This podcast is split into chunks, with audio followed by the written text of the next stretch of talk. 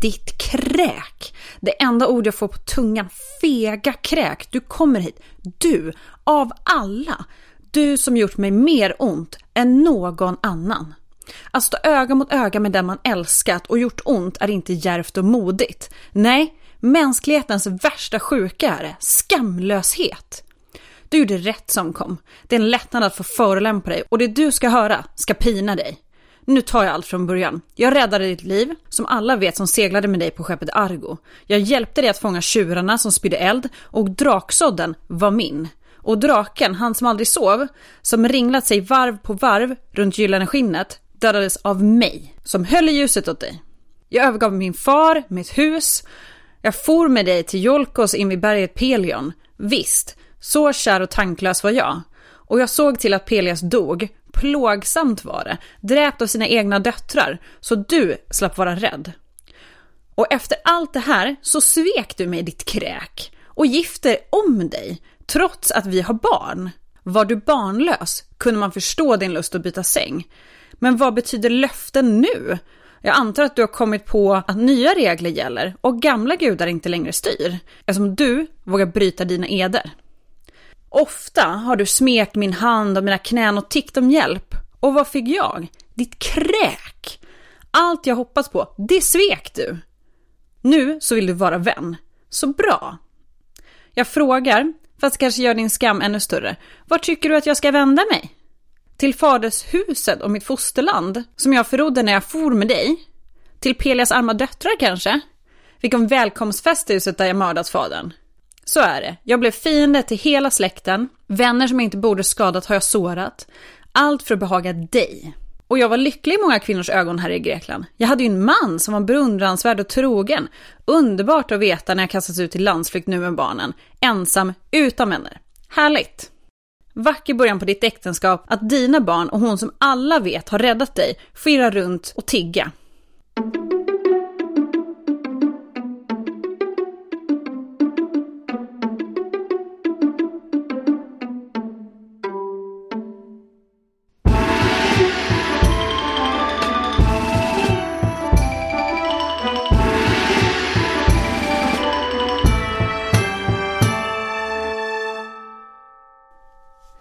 Hej och välkomna till Podius Castus, en podd om antiken. Och till det här minisnittet med mig, Hanna. Och idag så ska vi prata om grekiskt drama. Och i början här så hörde vi ett citat ur pjäsen Medea, en av de som finns bevarade till oss idag. Men vi ska inte prata en enskild pjäs den här gången, utan generellt om drama under antiken. Och innan 500-talet, före vår tideräkning, så finns inte drama så som vi tänker på det idag. Och det är alltså då publika framföranden där personer låtsas vara en annan person, talar i första person och involverar sig i konflikter och följer en berättelse från början till slut. Det fanns såklart många andra konstformer, men just den här fanns inte innan dess. Men någon gång under 500-talet före vår tideräkning så uppkommer då det grekiska dramat. Och alla årtal vi kommer hålla oss till i det här avsnittet är före vår tideräkning. Och vi vet inte jättemycket om den här utvecklingen, alltså hur det uppkommer. Men om man ska tro Aristoteles, alltså filosofen som levde under 300-talet, och han är ju den som skrev den äldstbevarade litteraturkritiken, så uppkom dramat under slutet av 500-talet, alltså då pratar vi typ 530-520 före vår tidräkning eftersom man räknar baklänges när man är på andra sidan. Och enligt Aristoteles då, då utvecklades dramat ur någonting som kallas dityramber. Och det är en körlyrisk genre som från början var en jubelhymn till guden Dionysos. Och han är ju då fruktbarhetsguden och kanske mest känd som vinets gud idag. Och en dityramb består till en början utav då poesi, musik och dans. Det var alltså en kollektiv dans där många dansörer dansade i en ring medan en solist som spelade Dionysos själv sjöng ensam mot den här kören. Och från och med 1600-talet så blev det här en, en typ av tävling mellan poeter. Och tävlingen skedde då under Dionysos olika heliga fester. Men riktigt hur den här utvecklingen från en dityram till ett drama sker, det vet vi inte riktigt. En av de viktigare utvecklingsskedena från den tidigare litterära traditionen, som ofta handlar om att man berättar i tredje person om någonting som händer, till att berätta i första person som om man är den personen. Den tillskriver grekerna själva en atenare som heter Tespis. Och han var då verksam runt 530-talet. Och själva ordet då, drama, det betyder ungefär något som har utförts. Och drama blev ju en av antikens allra största konstformer, men hade sin höjdpunkt under 400-talet. Och drama det skrevs för och uppfördes vid religiösa festivaler och var då en del utav firandet till gudens ära. Och de visades bara en gång. Så att inte som vi tänker oss att man går till en teater en fredag eller lördag kväll, den har haft premiär, man kan se den flera gånger. Utan här är det en gång. Men efteråt så kunde texterna cirkulera och det är därför vi har kvar dem idag.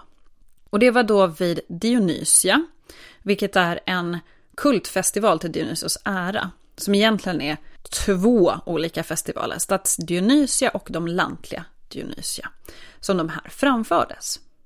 Och drama var då en tävling som publiken avgjorde. Och man kunde vinna både som pjäsförfattare och som skådespelare. Och det man vann var ju en lagerkrans och det var äran som var viktig. Det var inte vem som helst i publiken som fick bestämma utan i början så utsågs då en jury som skulle avgöra vid de här enskilda tillfällena. Men om vi då ska titta på teater som plats innan jag vill gå in på hur ett sånt här drama var uppbyggt. Så var teatrarna under antiken väldigt stora anläggningar. Ett exempel är ju då Dionysos-teatern i Aten.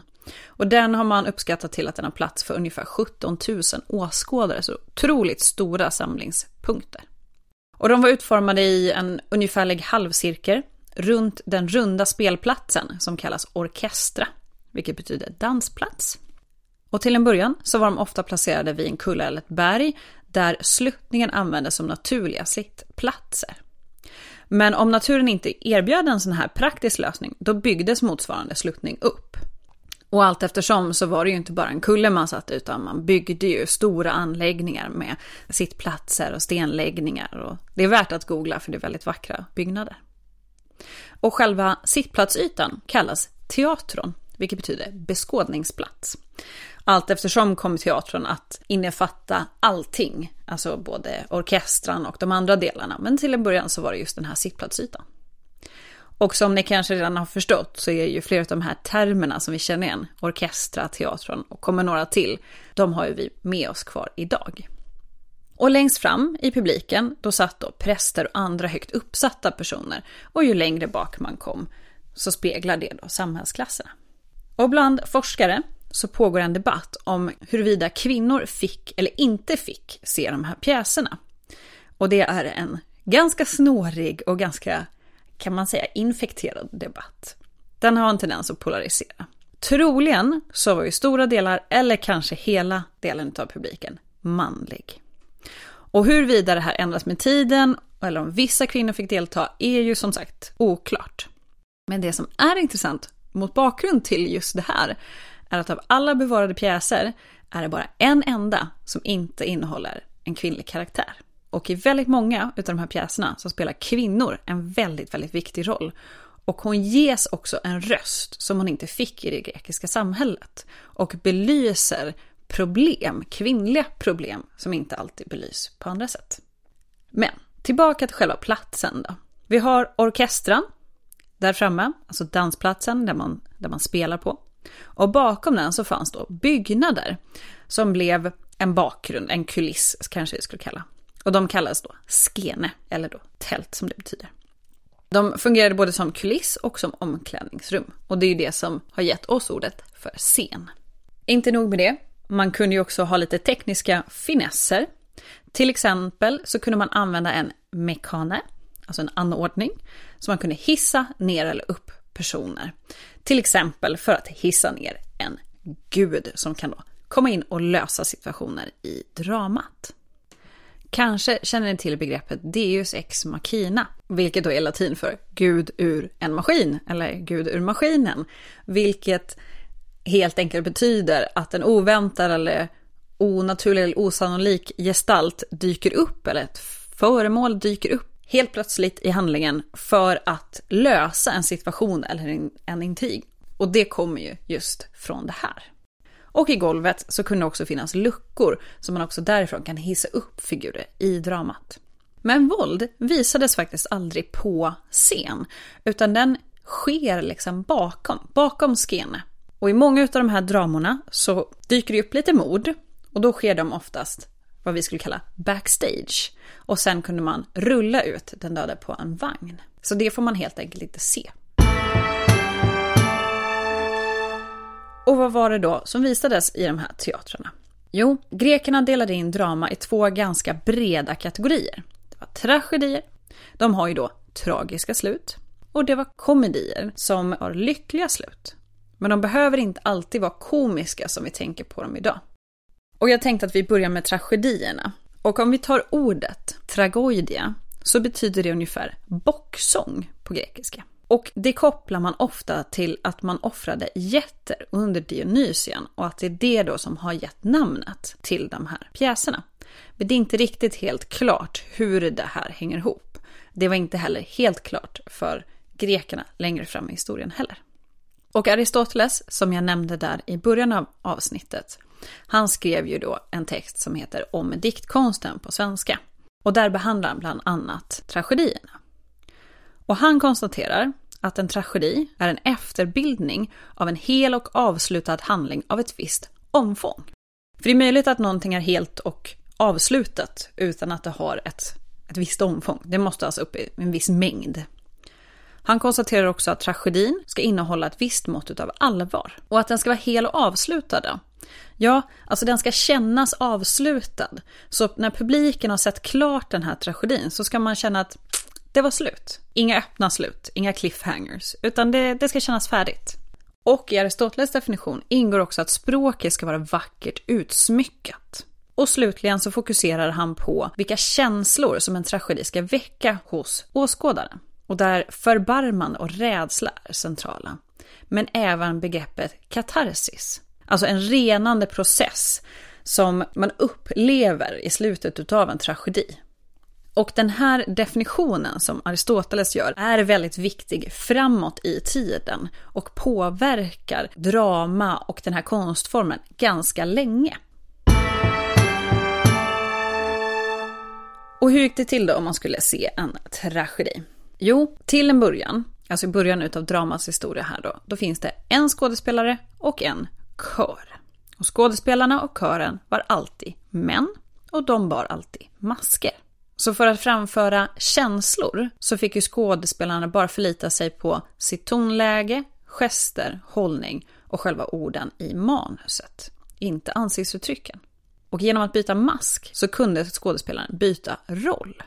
Och tyvärr finns inga av de här maskerna bevarade idag eftersom att de verkar ha tillverkats av förgängliga material som helt enkelt inte klarat sig.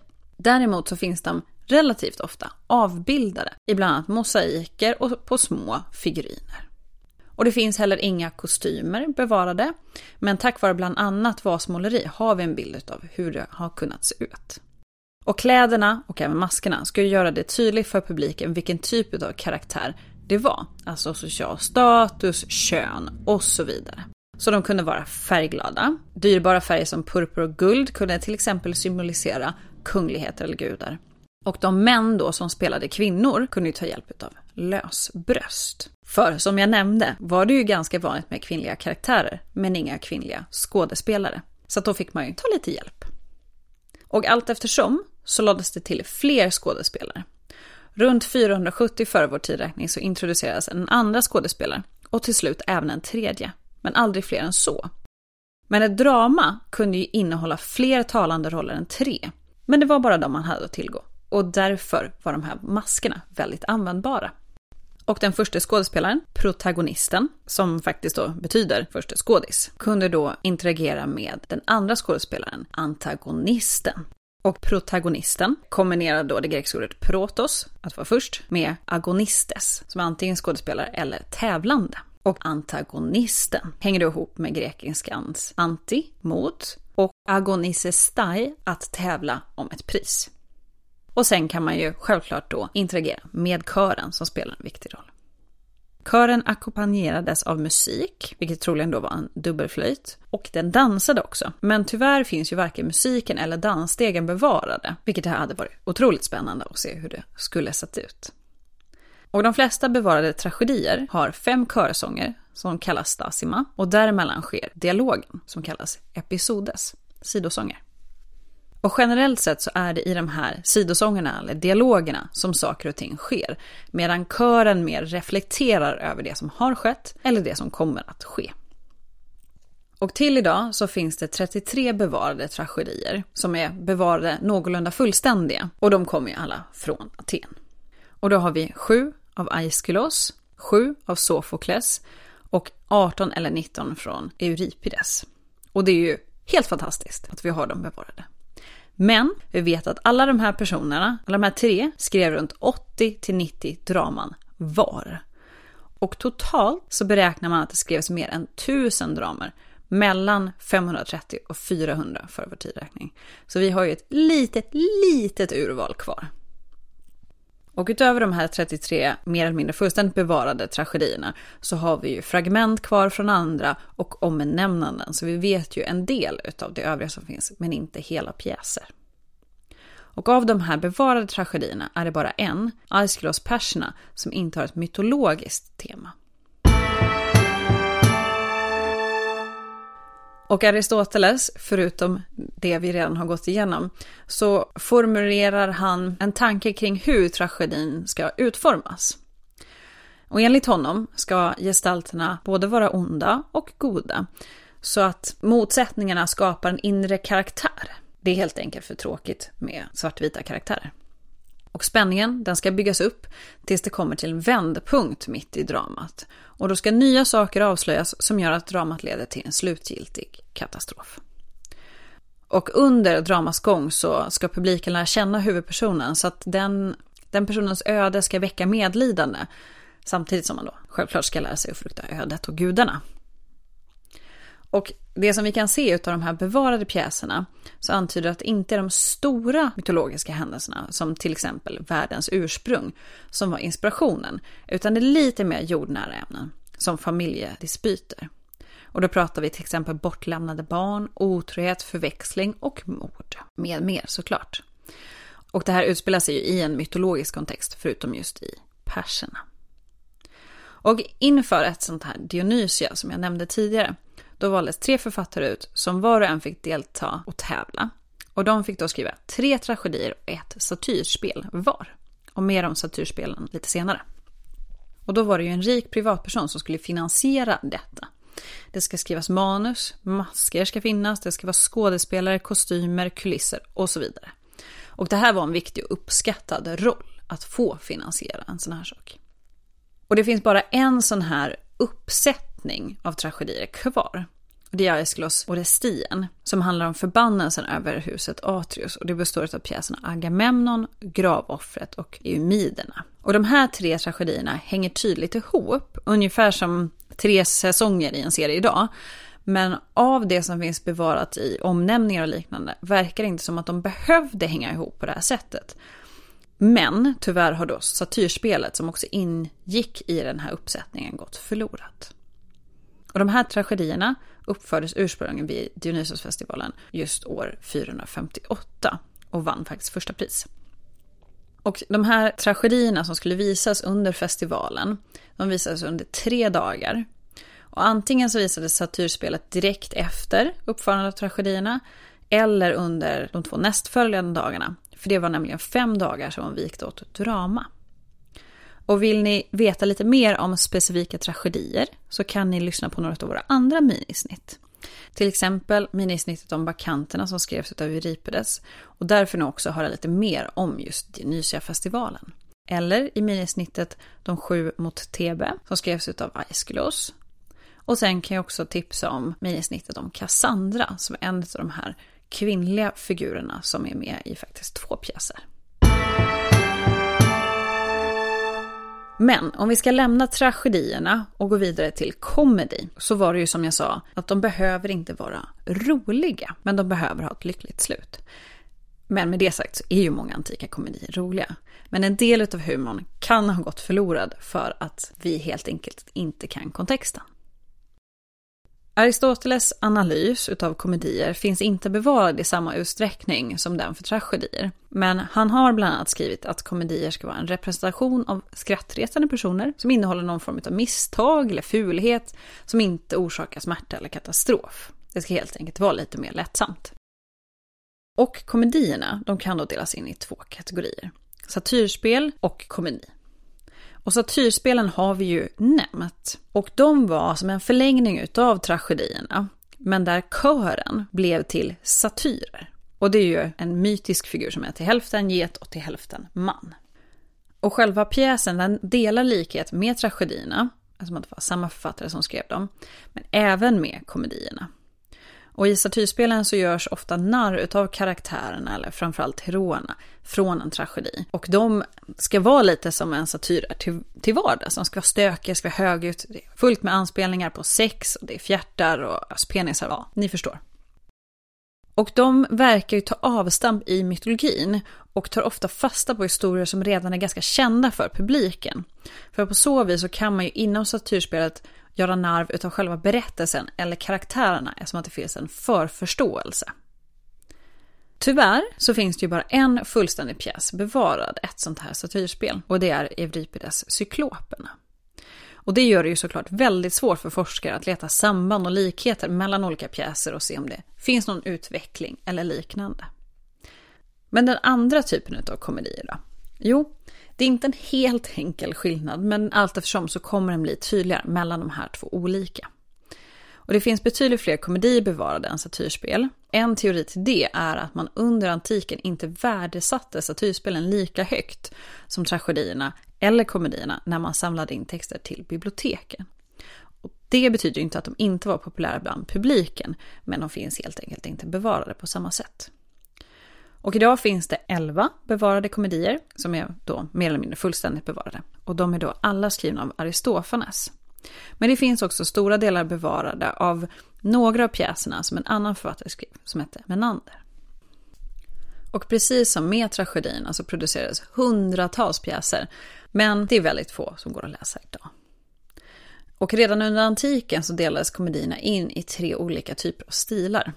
Så att säga den klassiska komedierna, Mm. mellankomedierna och nya komedier. Och det här skulle då spegla vilken period de tillkommit och även lite utvecklingsskillnader mellan dem.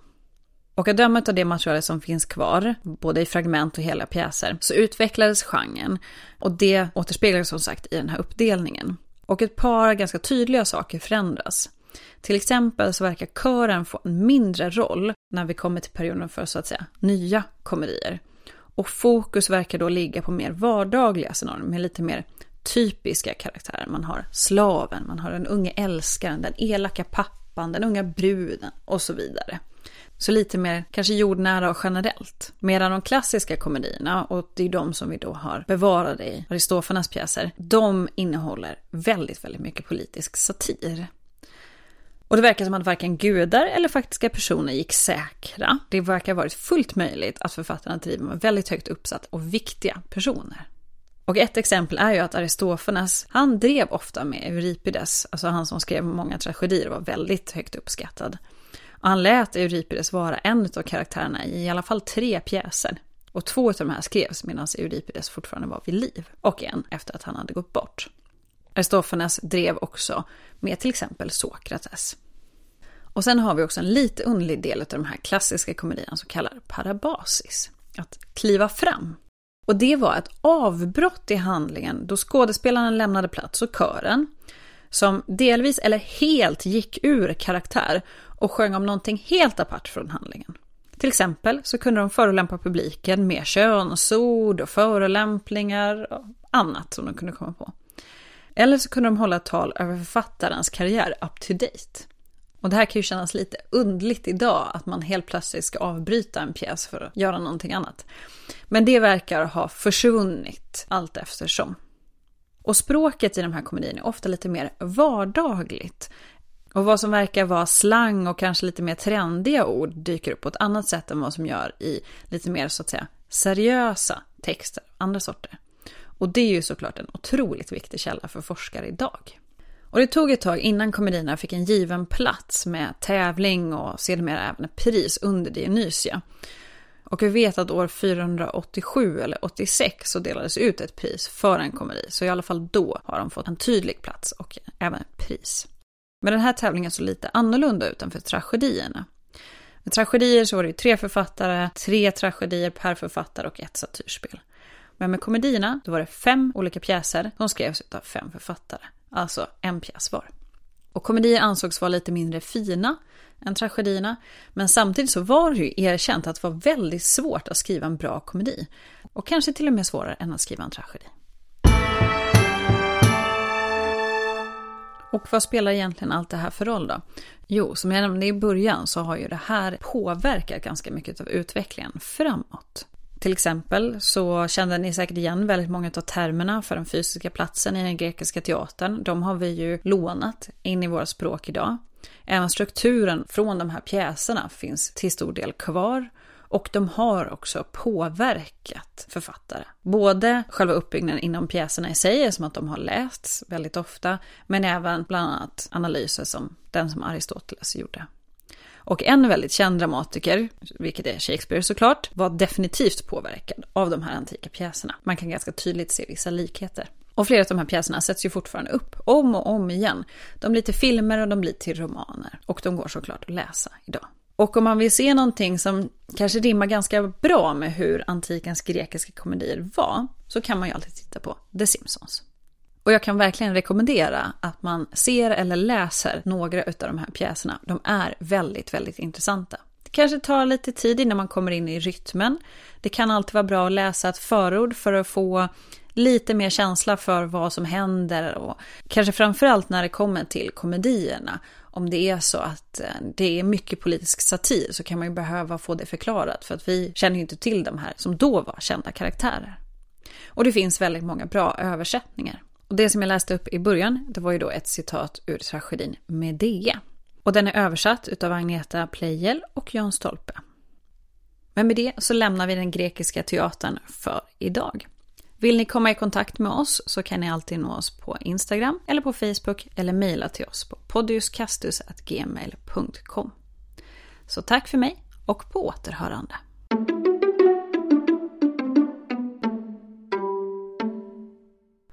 Jag saknar mor och bror och släkt att ankra hos när olyckan slår till. Jag vill be er om en sak, en enda. Om jag kommer på ett sätt att hämnas och ge min mamma betalt för... Mm, nej men det där var ju fel. Ja. Okej. Okay.